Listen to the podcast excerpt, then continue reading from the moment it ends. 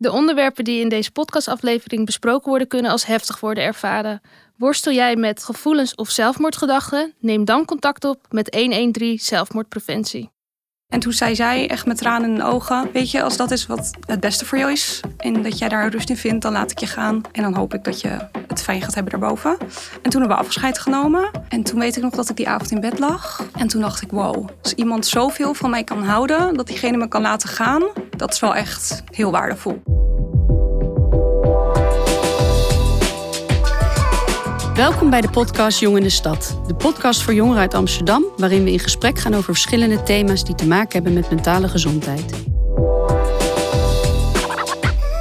Welkom in de tweede aflevering van de podcast.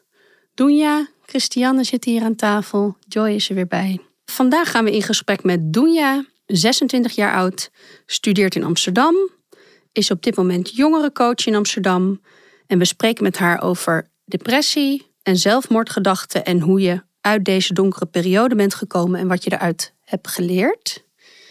En Christiane. Christiane werkt als professional bij At Ease Amsterdam.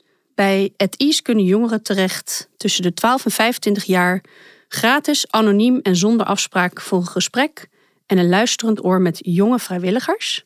Vertel later graag meer over wat je daar doet.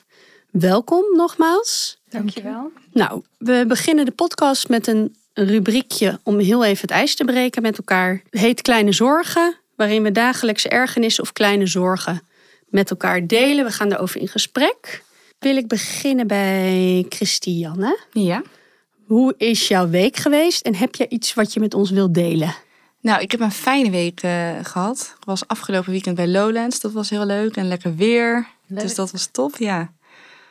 Dus uh, ik voel me vandaag weer fresh. Uh, fresh. Precies. Iets om van buiten te komen Ja, klopt. Uh, nee, het was een goede week. En ja, als je het hebt over ja, een soort dilemma of iets wat ik soms kan hebben. want ik woon in Utrecht en ik reis vaak naar Amsterdam. En als ik in de trein zit, als mensen gaan eten, dat heb ik trouwens niet alleen in de trein, maar ook thuis. En als er weinig omgevingsgeluid is en ik hoor iemand kauwen of heel erg chips of smakken, dat triggert mij altijd helemaal. Dat ik denk, hou op. Of ga verder weg van me zitten. Dus dat is iets wat ik irritant ook een beetje aan mezelf vind. Maar ik vind het ook irritant om een ander mee te belasten van... hallo, kun je stoppen met eten of Precies. Zo. Maar dat is wel een dilemma. Dat ik denk, oké, hoe kan ik een soort rust hebben voor mezelf... en nog wel vriendelijk blijven voor de ander. En in de trein zit je al snel misschien ook op elkaar? Klopt. Als het een beetje druk ja. is? Iemand een appel naast me gaat eten. Oh, heerlijk. Ja. Zo'n mandarijn en dan die ja. lucht. Ja, ja nou dat, oké. Okay. Dus maar wel zeg je er wat van? Als je het, als je het, als je het Nee, ja, dat is wel een goede Hoort. vraag, maar dat doe ik dus niet. Omdat? Omdat eten, weet je, als jonger, ik vind dat dat gewoon iets menselijks en normaal is. natuurlijk een soort uh, eerste behoefte dat het gewoon zou moeten kunnen. Ja. Um, het maar dan voel... wel een woord voor. voor misofonie. Ja, misofonie. mij. Ik heb het een keer ook, ja. Ja. Het is Ja. wel iets waar je iets mee kan. Dat klopt. Ja, ik kan een soort behandeling daarvoor nemen. Ja, klopt. Maar ik kan me daar wel eh, iets bij voorstellen ook wel. Ja? Ja. ja. En in je in, een directe omgeving, want dit is in de trein, zou je er dan wat van zeggen? Nou, soms wel, maar dan probeer ik het wel vaak in een grapje. Maar dan, ook dan denk ik nog, toch vind ik het een soort onaardig of zo. En Ja. is het ook in sommige gevallen zo dat als je al een beetje zelf st- gestrest bent, of je, is het dan, wordt het dan erger?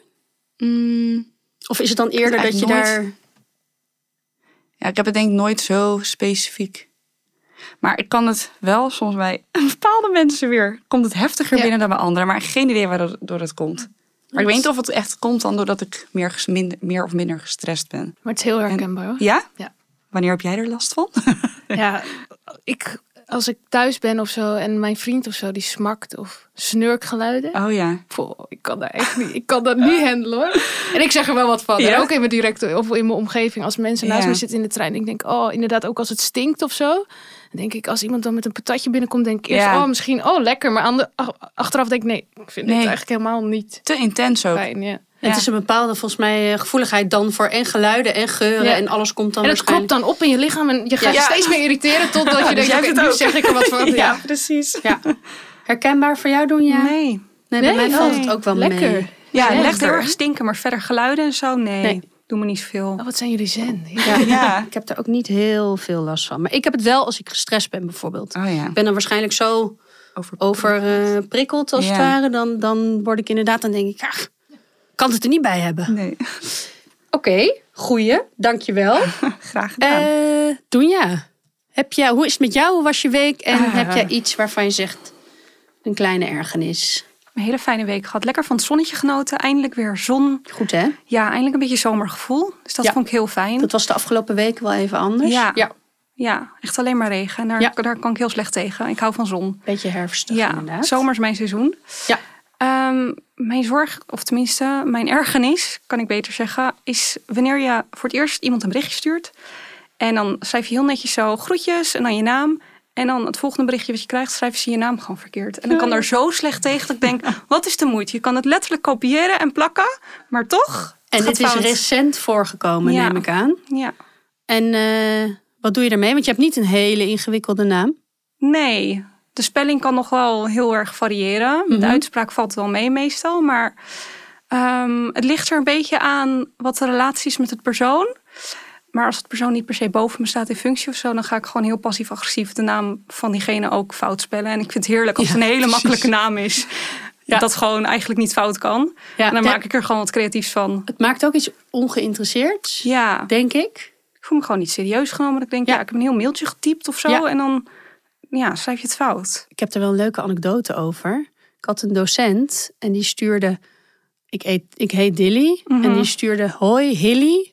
Sorry dat ik je Tilly noemde. In een mail. En toen heb ik daaronder inderdaad zoiets gezegd van... eh, Ik heet Dilly. Of ik heb volgens mij inderdaad ook passief-agressief haar naam eh, verkeerd getypt. Herkenbaar voor jullie? Ja, ik weet. Misschien wel... eh, Ja, bij mij is het heel vaak Joyce, precies. de achternaam. En nu heb je B&B vol liefde met Joy, jonge Joy. Als Oh, ja. jongen, zeg maar, zijnde. Dus laatst had ik een afspraak en toen kwam ik aan en toen zei diegene... Ik dacht dat je een jongen was. Toen dacht ik, ik dacht dat je een jongen was. Weet je? En dus dan ga ik me dan ook aan irriteren. Ik denk, Ja. ik ben helemaal geen jongen. Wat maakt dat we daar zo geïrriteerd door worden inderdaad? Wat is dat? Ik denk dan gewoon, waarom weet je dat gewoon niet? Ja, toch een vorm van Ja. desinteresse. Ja. Ja, ja. Dat maakt het. En het is heel persoonlijk, want het is Ja. jouw naam. Maar spreken ze ook wel eens jouw naam verkeerd uit of zo? Oh ja, zeker, ja. Eh Dunja, Dunia, het kan echt eh, alle kanten op, ja. Wat vind je daar dan van? Dat vind ik nog niet zo erg. Dan denk ik, ja, ik ben ook niet goed in die dingen. Ik vergeet iedereen's naam altijd. Ja. Dus kan je overkomen. Ja. Maar het schrijven is gewoon, het stond er. Ik heb het goed geschreven, je moest het gewoon overnemen. Ja, wat is de moeite inderdaad? Heb jij daar nog eh, ervaring Nou, mee? gebeurt heel vaak. Je kunt met mijn naam Christiane ook allemaal versies Ja. maken. Maar ik, ja, ik kan het wel naast me neerleggen. Het boeit me niet heel erg. Nee. Ja, Ik maak me wel overal druk om, hoor ik alweer. ja dat had ik ook te denken. Hoeveel irritaties hebben wij? naam eh, verkeerd uitspreken. Daarom is deze rubriek wel lekker. Dat Ja. je even Zo kan fijn. delen waar Ja. je of door getriggerd wordt of waar je je aan ergert. We gaan over naar het gesprek. Ik wil bij Doenja beginnen. Ehm, we gaan met jou in gesprek inderdaad over jouw depressie. In het verleden, jij bent nu 26 jaar. Ja. Eh, ik denk dat het goed is om bij begin te beginnen, wat voor jou het begin voelt. Ja. Wil jij daar iets over vertellen? Ik was denk ik een jaar of 16 ongeveer. Toen ik volgens mij ook officieel de diagnose depressief kreeg. Het was thuis heel onrustig, school was heel onrustig. Alles was een soort van overleven voor mij. Ehm, en ik merkte op een gegeven moment dat ik gewoon... Ik had geen zin meer. Ik, kwam niet meer mijn bed uit iedere ochtend. Ik had echt geen zin om mensen te zien.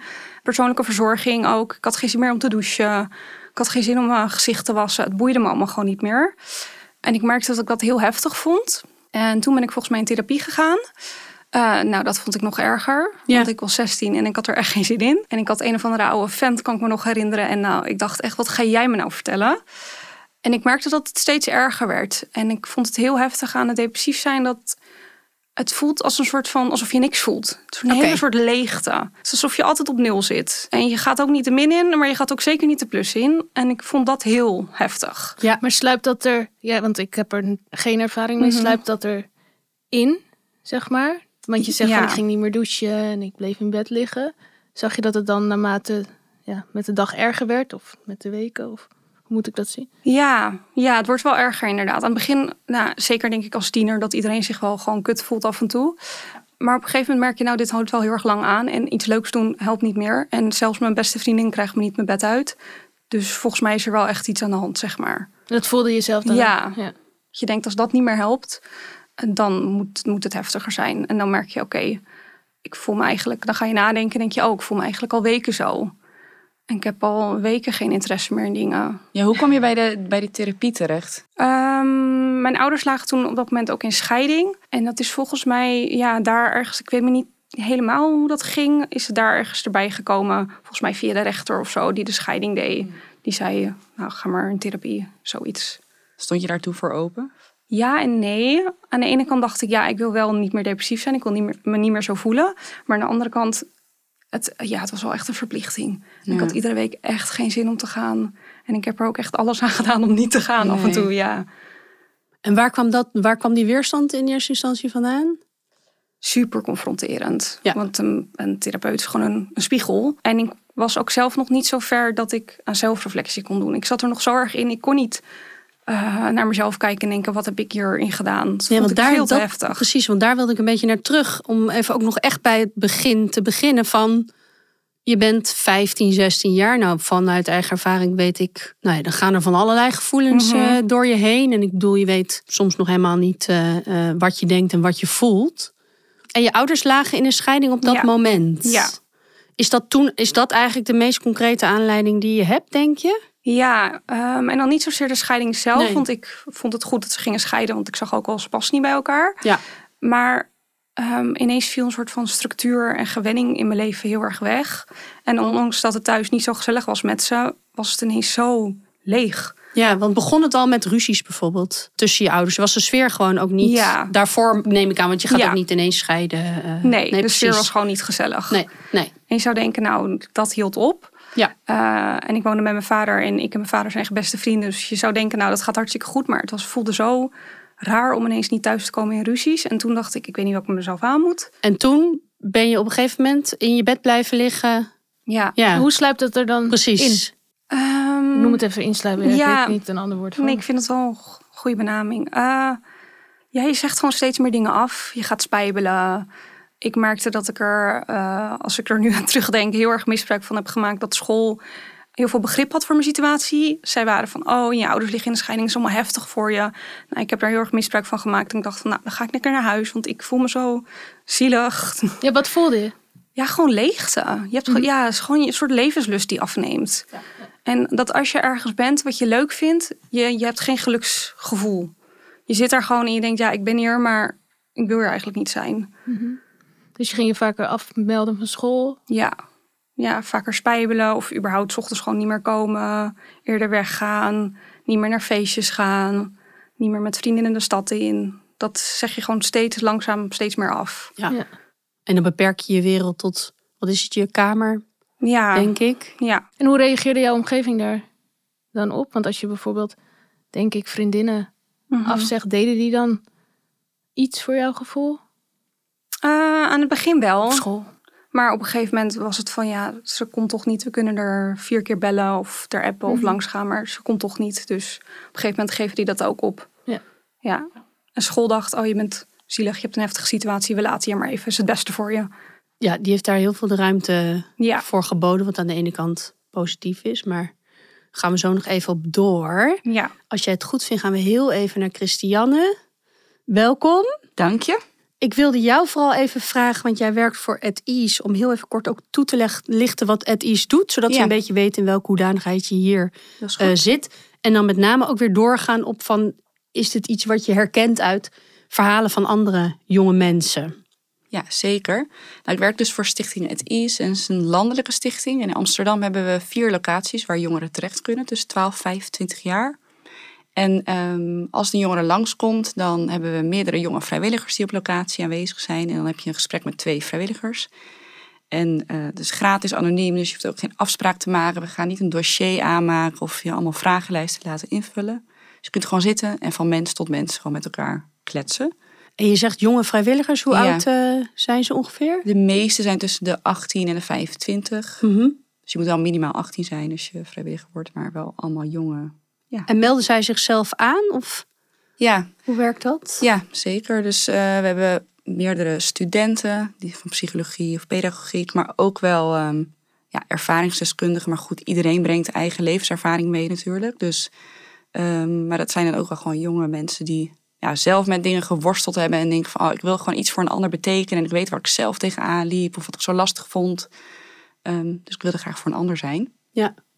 Ik kan me heel goed voorstellen dat dat drempelverlagend, ik kijk ook even Doenja aan, eh, kan werken inderdaad. Dat je Ja. eh, toch met iemand aan tafel, of hoe zeg je dat, eh, bij iemand aan kan schuiven die Ja. eh, van jouw leeftijd is. In ieder geval in eerste instantie. Ja, Maar die Ja. vrijwilligers voeren het gesprek ook met Ja. eh, die jongere die komt op locatie. ja, klopt. En het kan soms zijn dat eh, een, ja, een jongere een bepaalde vraag heeft. Dat is ook wel regelmatig iets praktisch, waar dan de vrijwilligers geen antwoord hebben. En dan kunnen ze mij er bijvoorbeeld bij vragen. Maar ik zit meestal niet als professional bij de gesprekken.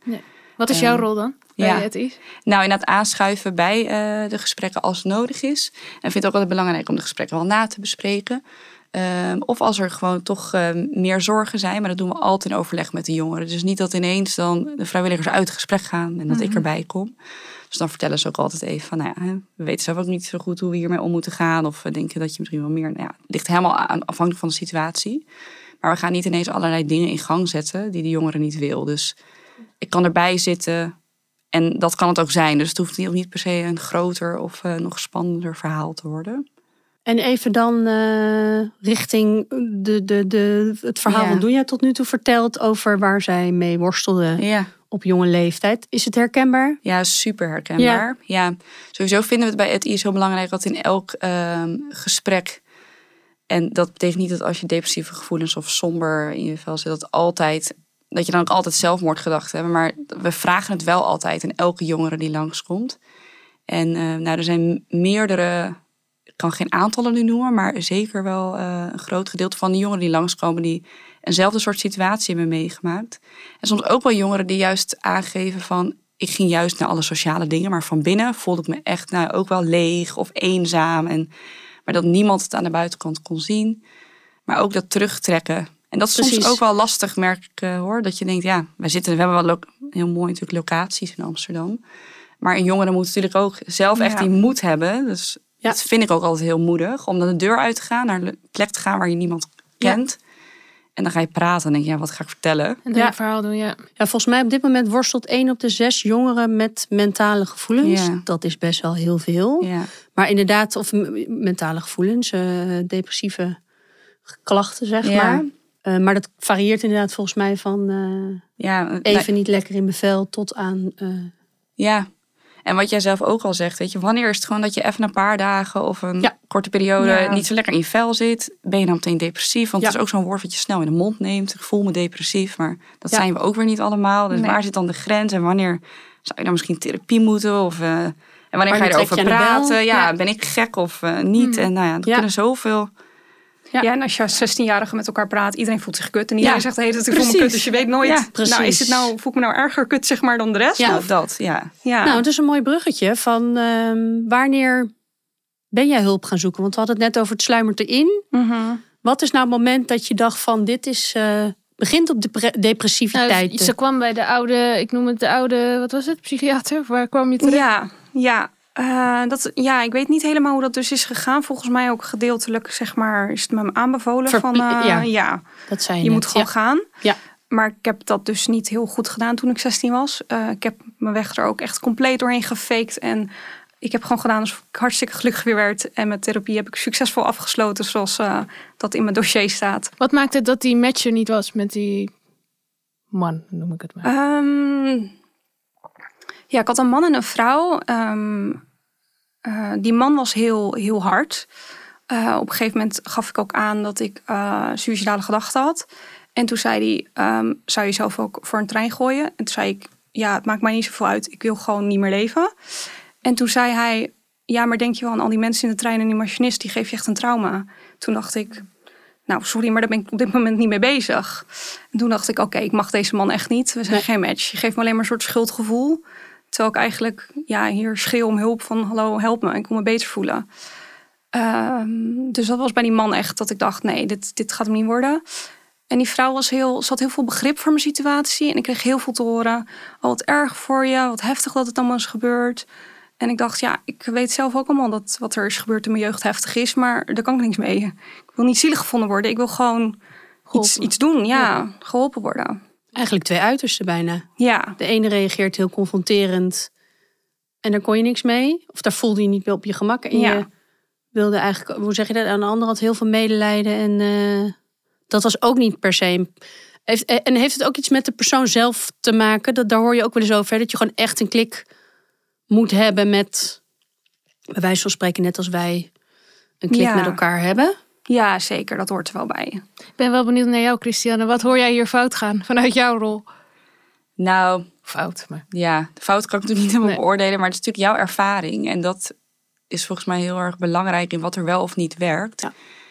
Kijk, iets waarom bijvoorbeeld ook twee vrijwilligers in het gesprek hebben bij het IS, is dat je altijd iemand dan ook is met wie je vaak meer een klik voelt. Ja. En dat het Maar je ook gaat meer. met twee ja, gaan met twee vrijwilligers in gesprek. Aha, interessant. Ja. Dus dat helpt ook al met, oh ja, Ja. dat je niet één op één zo tegenover elkaar zit. Ja. En dat je ook met elkaar een gesprek kunt voeren. En dat het niet alleen maar zo'n interview eh, wordt.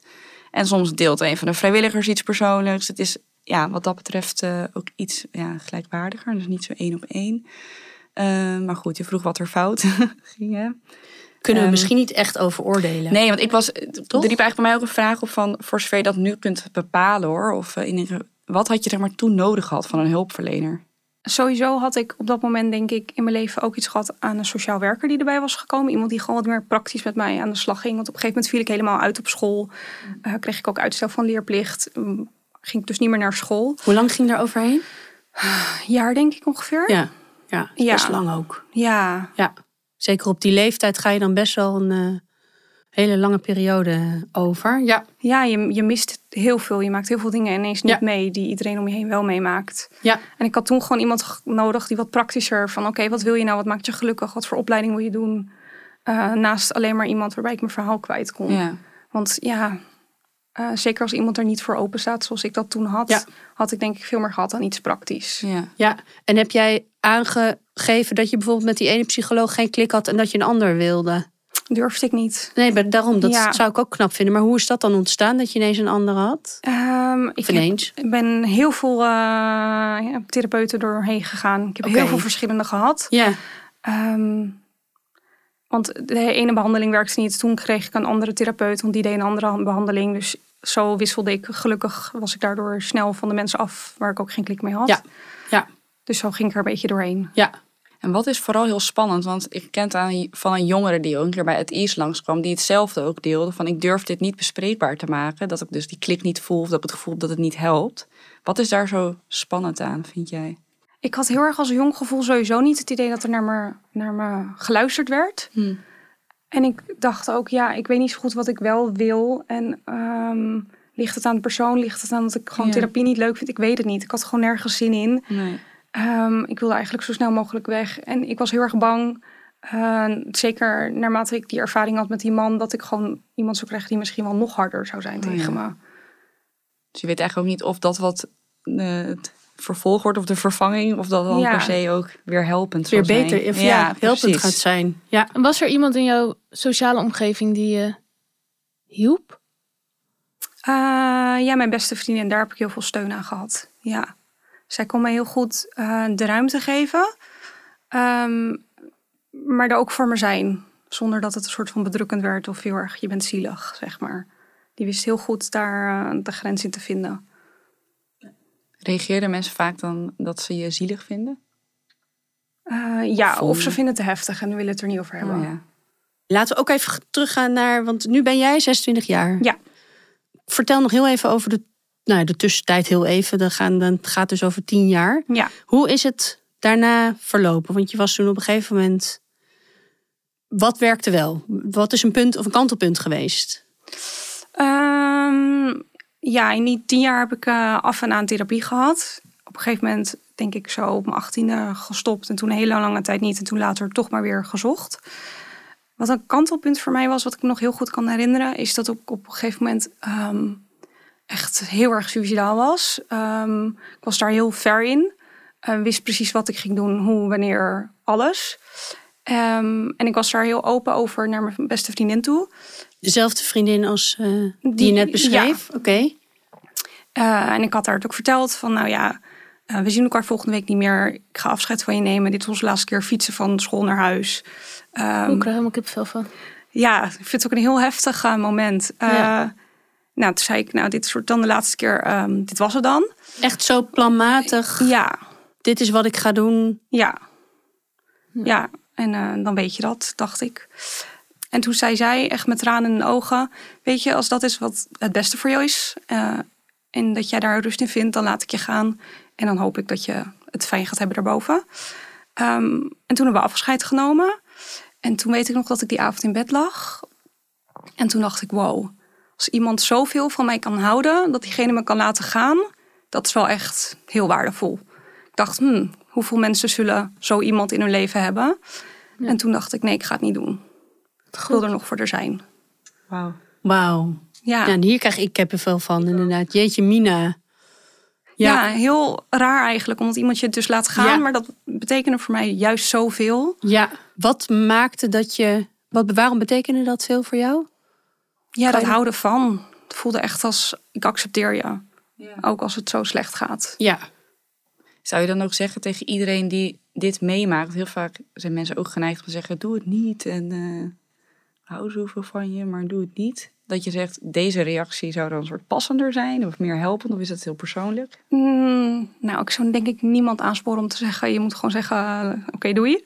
Maar Nee. ehm, dat hele heel erg tegenhouden... dat zou ik zeker niet aanbevelen. Want als iemand het echt wil doen... dan ga je diegene toch niet tegenhouden. Nee. Je kan juist denk ik wat meer gaan graven... oké, waarom voel je je zo? Ja. Eh, eh, wat maakt je wel gelukkig? Eh, wat kan ik voor je betekenen? Dat soort dingen. Want ehm, doe het niet kan ook heel erg een schuldgevoel opwekken. Dat had ik heel erg. Iedereen Mhm. die tegen mij zei, doe het niet. Dacht ik alleen maar, oh, en dan stel ik nog iemand teleur. Ja. En iedereen haat me.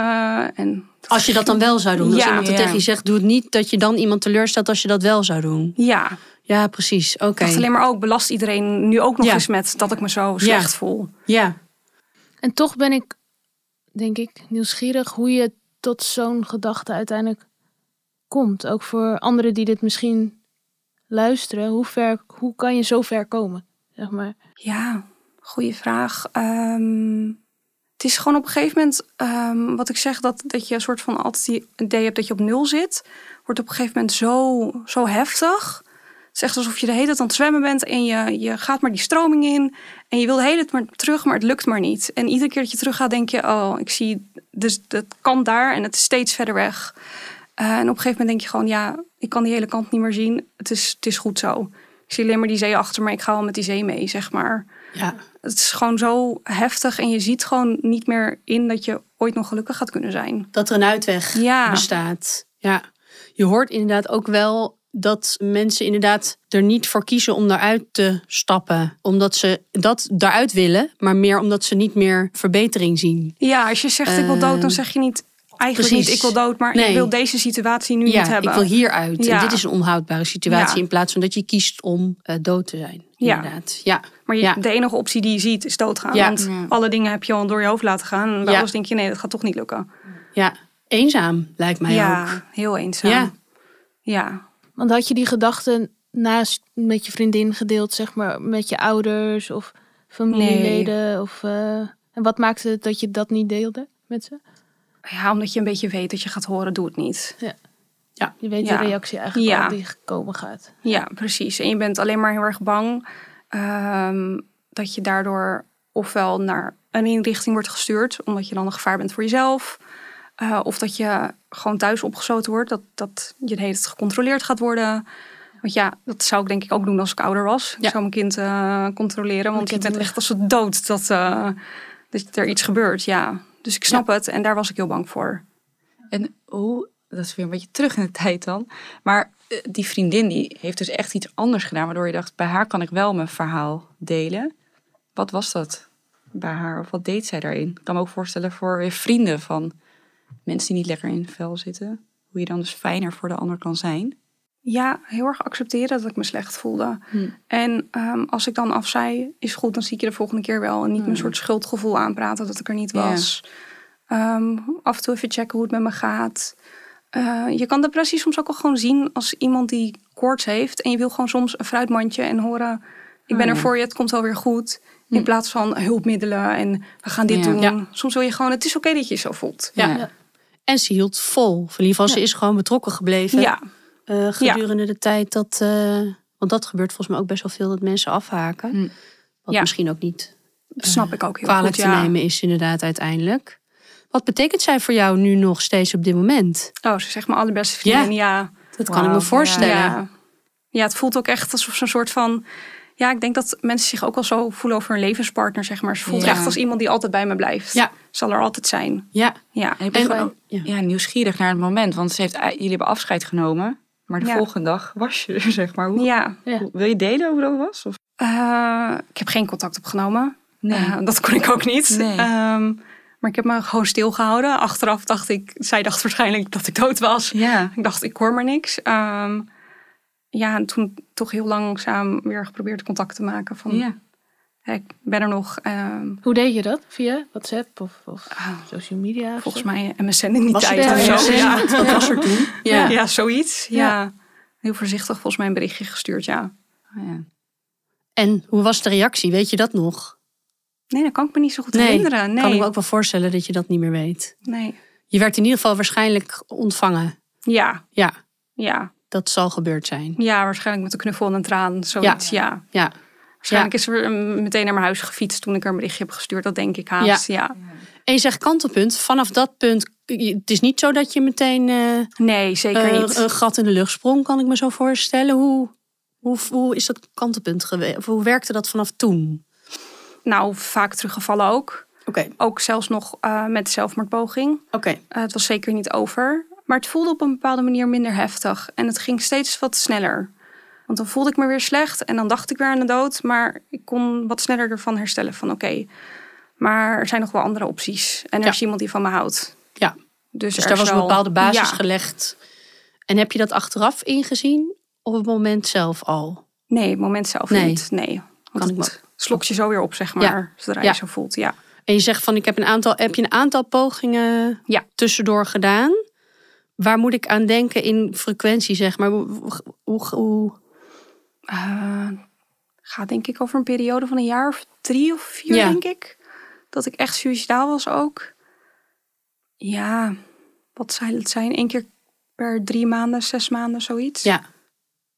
En dus nooit gelukt.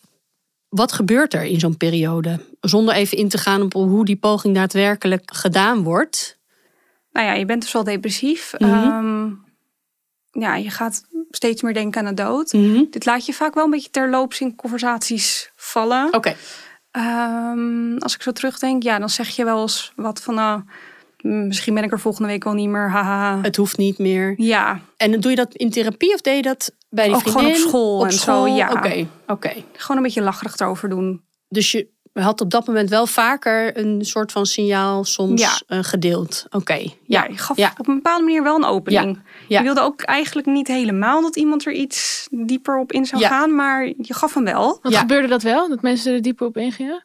Ehm, op een gegeven moment wel, ja. Ja. Ja, Is het vaker? Als je dat toen vaak was mijn grapje zegt. met, haha, ik ben er volgende week niet meer, was ineens niet meer zo grappig. Nee, en was nee. van, moeten we praten? Ja. Ja. Ja, En je gaat natuurlijk pogingen doen. Dus die Ja. wordt ook een keer bevestigd. ja, dat je me eigenlijk niet kan vertrouwen als ik zoiets zeg. Precies. En dat er echt daadwerkelijk wel iets... eh, Ja, ja. Hoeveel pogingen heb je gedaan?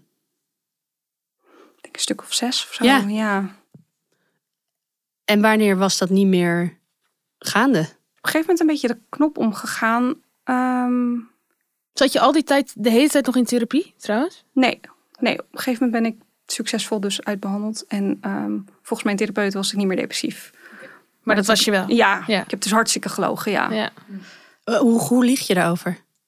Oh, dat is echt, dat is zo kwalijk hier aan, dat is zo makkelijk. Oh, Je kan zo makkelijk zeggen, want als iemand vraagt hoe gaat het met je en je zegt, nou ja goed, het zonnetje scheen. Ik heb Ja, gesport Iedereen vandaag. gelooft je, ja. Ja.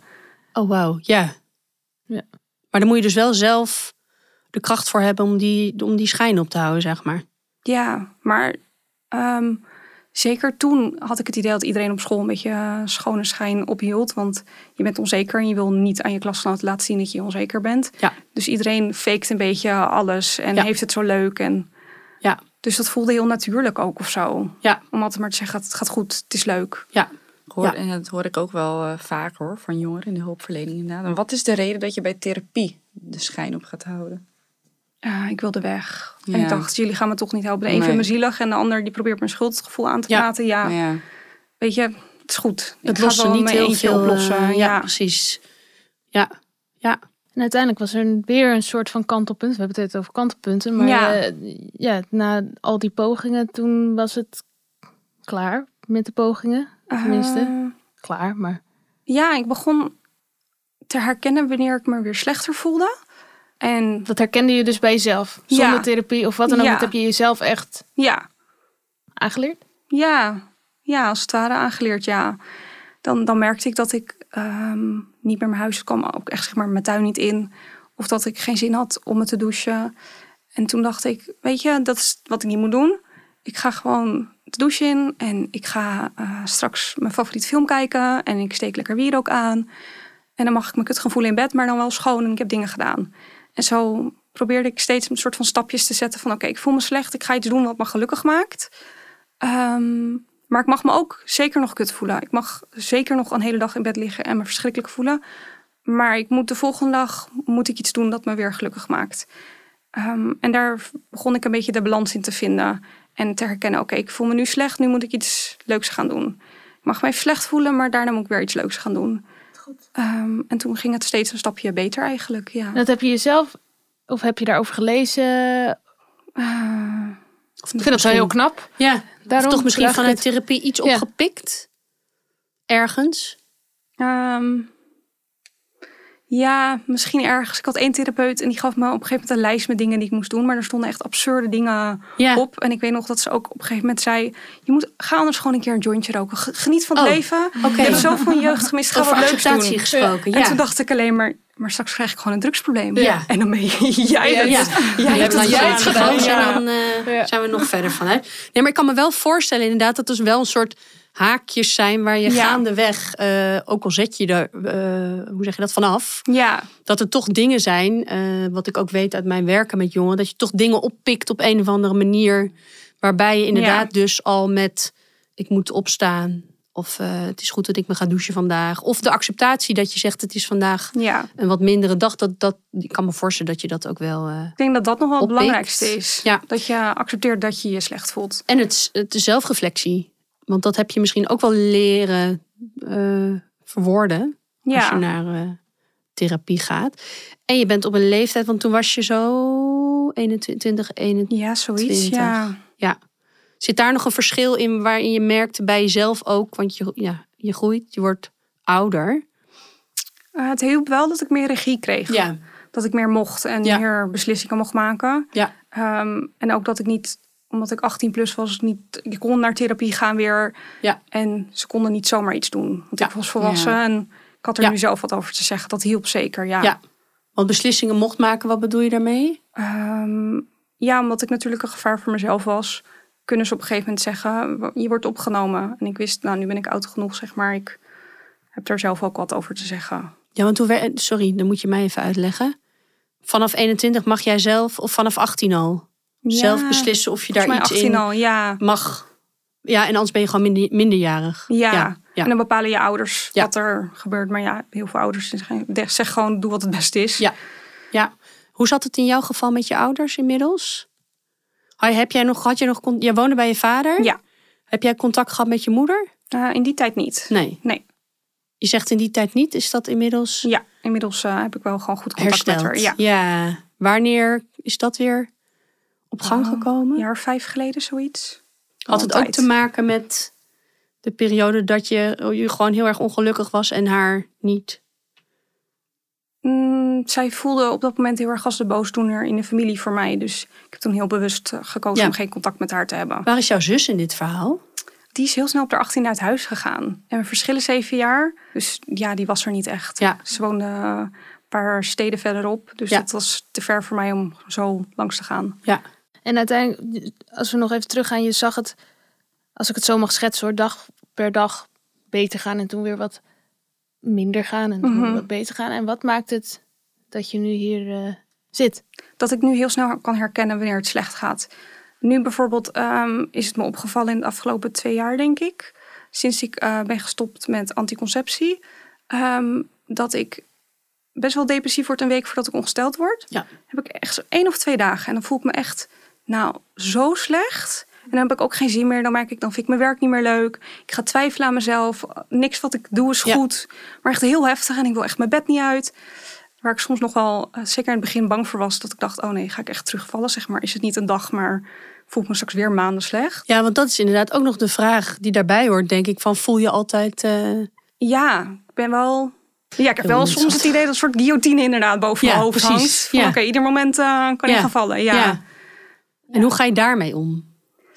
Ehm, bewust bijvoorbeeld geen drugs doen. Ja. Dat zie je natuurlijk heel veel eh, om je heen op festivals. Maar ik denk, nee, ik ben echt als de dood dat ik... eh, de dinsdagdip wordt gewoon voor mij mijn complete dip, zeg maar. Precies. Ja, en ver- ja, je houdt het op een bepaalde manier niet helemaal tegen. Want je merkt wel gewoon dat het in je zit.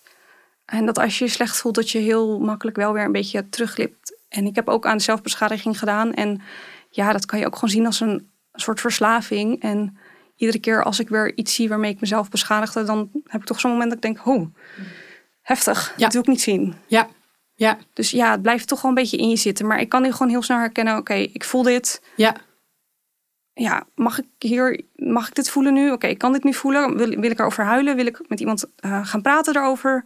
Of wil ik wat leuks gaan doen? Wat wil ik gaan doen? Ja. Ik ga een soort van heel praktisch denken van, hoe ga ik de situatie nu aanpakken? ja. Ja, heel knap. En eigenlijk, ik dacht net ook wat toen je eerder wat vertelde.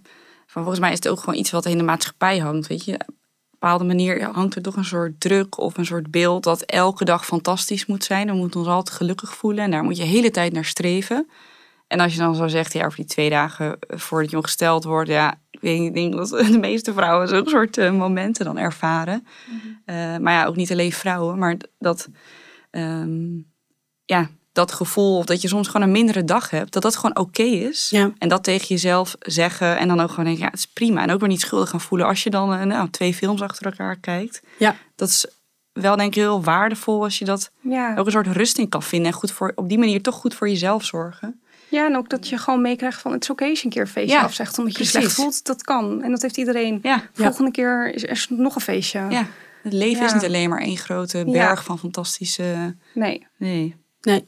altijd ups en downs. Want dat is misschien nog wel een goede om even wat, om het wat algemener te trekken, misschien.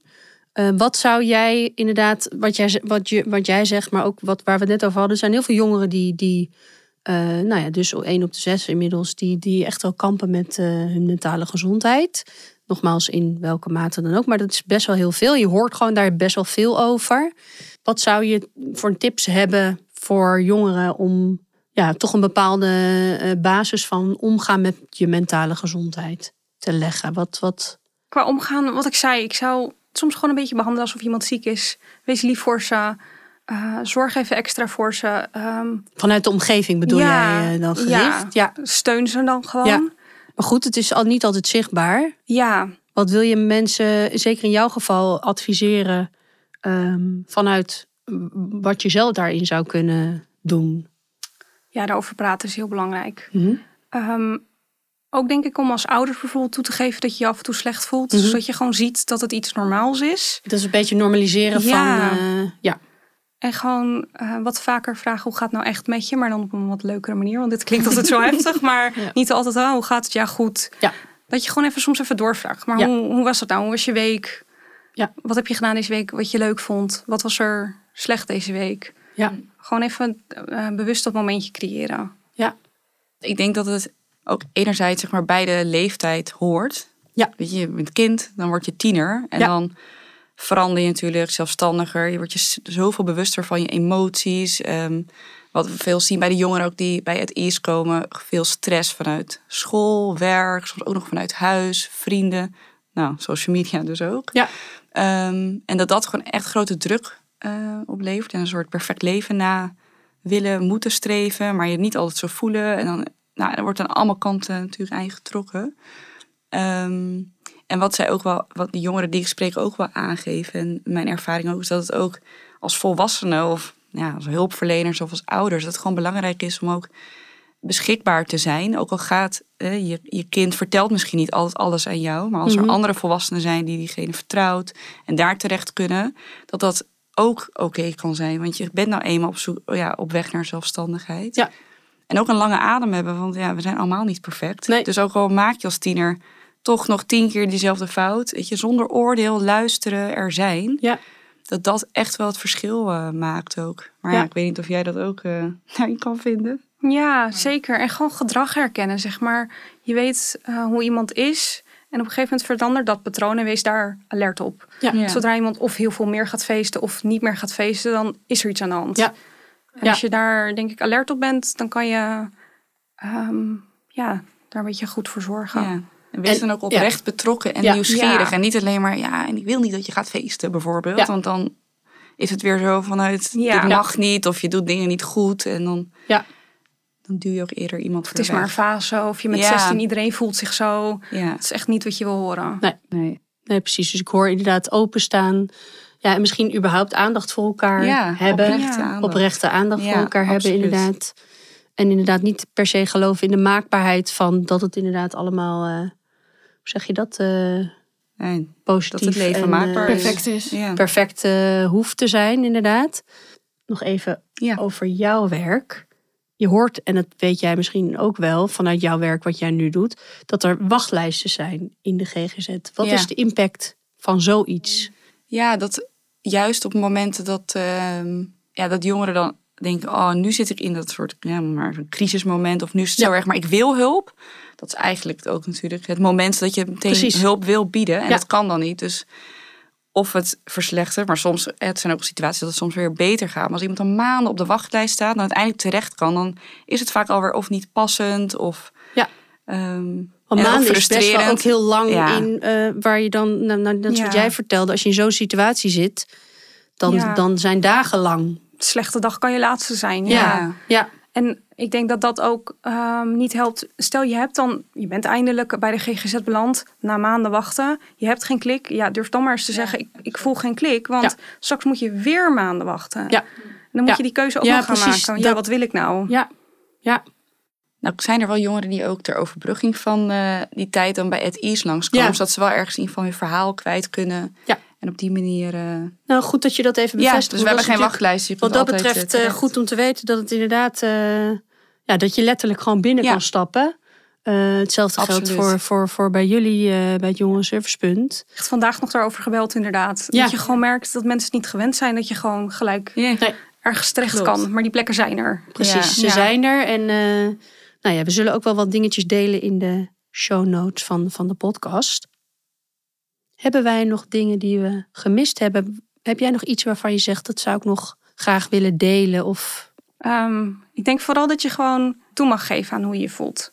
En probeer überhaupt gewoon bewust te worden van wat je voelt. Ja. Dat gaat heel veel helpen. En Ja. ook wanneer je gelukkig bent. Maar als je merkt, ik ben nu bij mijn vrienden. Dit is een moment, als je in naar een film zou kijken, zou hier heerlijke muziek onder zitten. Ja, precies. En zou er een lekker filtertje overheen worden ja, gegooid. ja. Probeer even te denken, ja, dit, dit is dat moment. Voel ik me nu gelukkig? Want je moet dat even beseffen. En dat ook koesteren. Ja, en even Als- daar stil bij staan. Ja. Ja, mooi.